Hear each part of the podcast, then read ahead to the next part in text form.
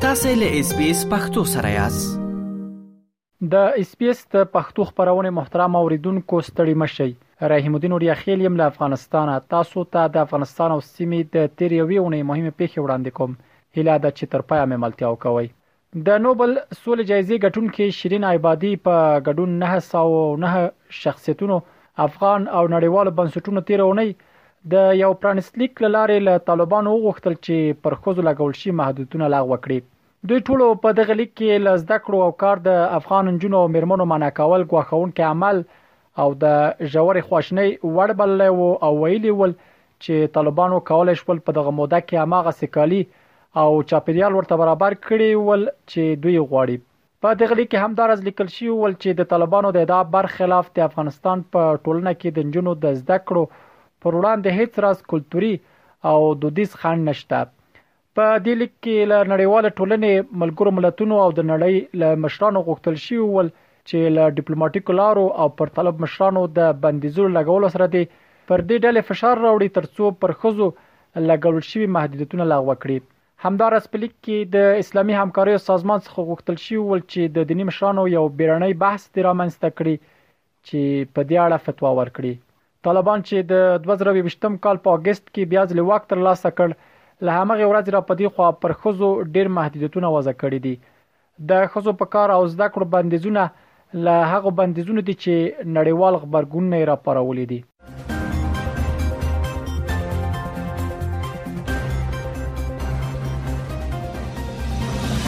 دریو نړیوالو موسسو تیرونی د طالبان لوري د خپل خزینه صحي کارکونکو د خوندیتوب او کار د اطمینان وروسته په افغانستان کې بیرته خپل ځینې فعالیتونه پیل کړل په دغو موسسو کې پاملرنې د ژغورنې نړیواله کمیټه او د نارویک د کډوالو شورا شامله ده چې د خپل فعالیتونو د بیا ځلې د پیل خبرې ورکړ دغه موسسو لډلې د پاملرنې او د ژغورنې نړیواله کمیټې وویل چې د اوس لپاره یوازې د روغتیا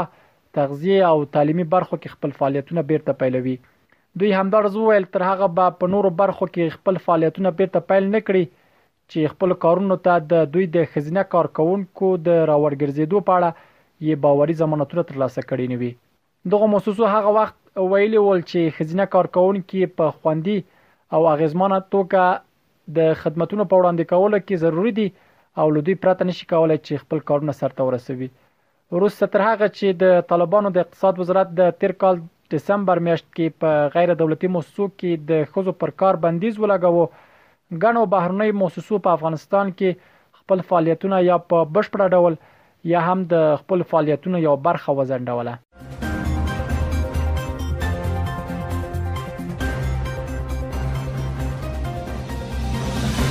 د طالبانو د لوړو زده کړو وزارت د افغانستان په پوهنتونونو کې پر تحصیلي نصاب د بیاکتنې بهیر پیل کړی دی په هغه اعلامیه کې چې تیر اونۍ د طالبانو د حکومت د اطلاعات او رسنیو مرکز لوري خبر شوی و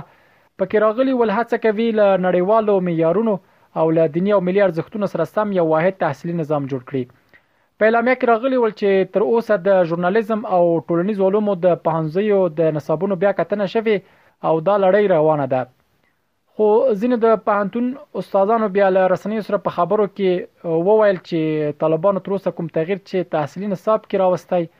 هغه یوازې د اسلامي ثقافت د کریډټ لوړول او د عربي مضامینو ډیرول دي. دغو استادانو رسنیو ته ویلي ول چې طالبانو د نورو مضامینو بیاکتنه د اړوندو پوهنځیو استادانو ته پریښې ده. که څه هم د افغانستان په پوهنتونونو کې د نصاب د بیاکتنې بهیر نوې خبره نه ده، ځکه دا بهیر د تیر جمهوري نظام پر مهال هم پیل شوی و، خو له خلکو سره دا ویره ده چې طالبان پرته له دې چې د ټولنې اړتیا ته پام وکړي، په دې لټه کې دي ترڅو خپل سلیقه په تحصیلي نظام کې شامل کړي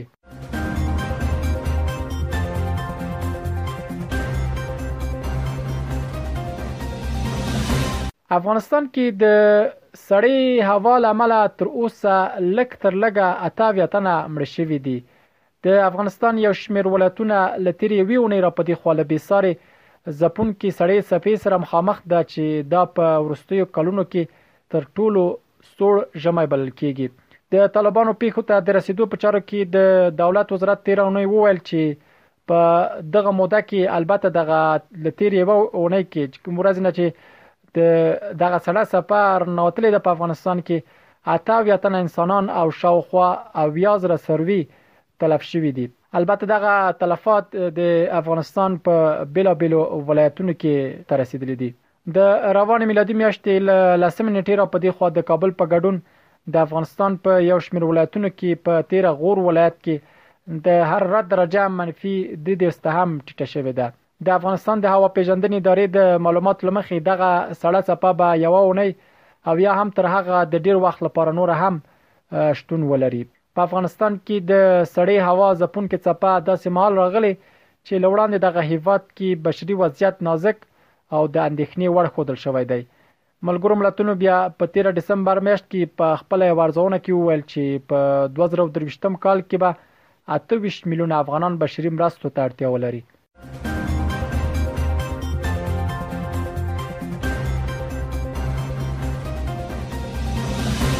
د دې اونۍ د پای موضوع هم دا چې د افغان ښځو او انجونو د حقونو او ملاتړ لپاره د ملګرو ملتونو یو پلاوی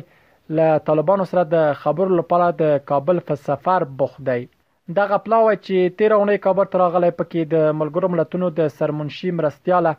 آمنه محمد، د دغه سازمان د ښځو د دفتر اجرایوي مشره سیما بهوس او د سیاسي چارو او د سولې جوړولو په چارو کې د ملګرو ملتونو د سرمنشي مرستیال خالد خیاري شامل دی. د ملګرو ملتونو دغه پلاوی کابل ته د خپل سفر په ترڅ کې تر دې دمه د طالبانو له ځینو چارواکو او د افغانستان له ځینو پخوانیو سیاستوالو په تېره حامد کرزي او عبدالله عبدالله سره لیده کاته کړې. د ملګرو ملتونو د سرمنشي مرستیالې آمنه محمد په مشرۍ د دغه سازمان پلاوي له طالب چارواکو سره په لیدنو کې د ښځو او انجونو د زده کړو او کار په اړه د دې ډلې د پرېکړو د بیا کتنې غوښتنه کړې. د ملګرو ملتونو پلاوي له همداراز له طالب چارواکو سره په لیدنه کې دا هم وویل چې د افغانستان راتلونکی د دغه هیواد د نسلونو له تعلیم سره تړاو لري. طالبانو بیا د ملګرو ملتونو د دغه پلاوي د غوښتنې په ځواب کې وویل چې د ښځو حقونه د اسلامي شرعیت او افغاني کلتور په چوکاټ کې په پام کې نیول شوي او نړیواله ټولنه باید بشري مرستې چې د میلیونونو افغانانو ورته اړتیا لري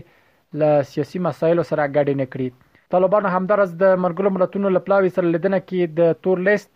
د طالبانو د حکومت د رسمیت پیژندنې او دوی ته د ملګرو ملتونو د دایمي استازولۍ د څوکۍ د سپارلو په برخه کې د ملګرو ملتونو سازمان په نه پاملرنې هم تورن کړ د یادونې ده چې د ملګرو ملتونو مرستیالې امینه محمد په مشرۍ دغه پلاوي د کابل تر سفر مخکې د افغانستان په تړاو له ترکی، قطري او پاکستاني ډیپلوماټانو او چارواکو سره هم لیده کاته کړي. دا ول د افغانستان او سیمې د تیر یوې اونۍ مهمې پیښې چې ما تاسو ته وړاندې کړې. تر بیا ښې چارې. که غواړئ دغسې نورې کیسې هم واورئ نو د اپل پودکاسټ، ګوګل پودکاسټ یا هم د خپلې خوښې پر پودکاسټ یې واورئ.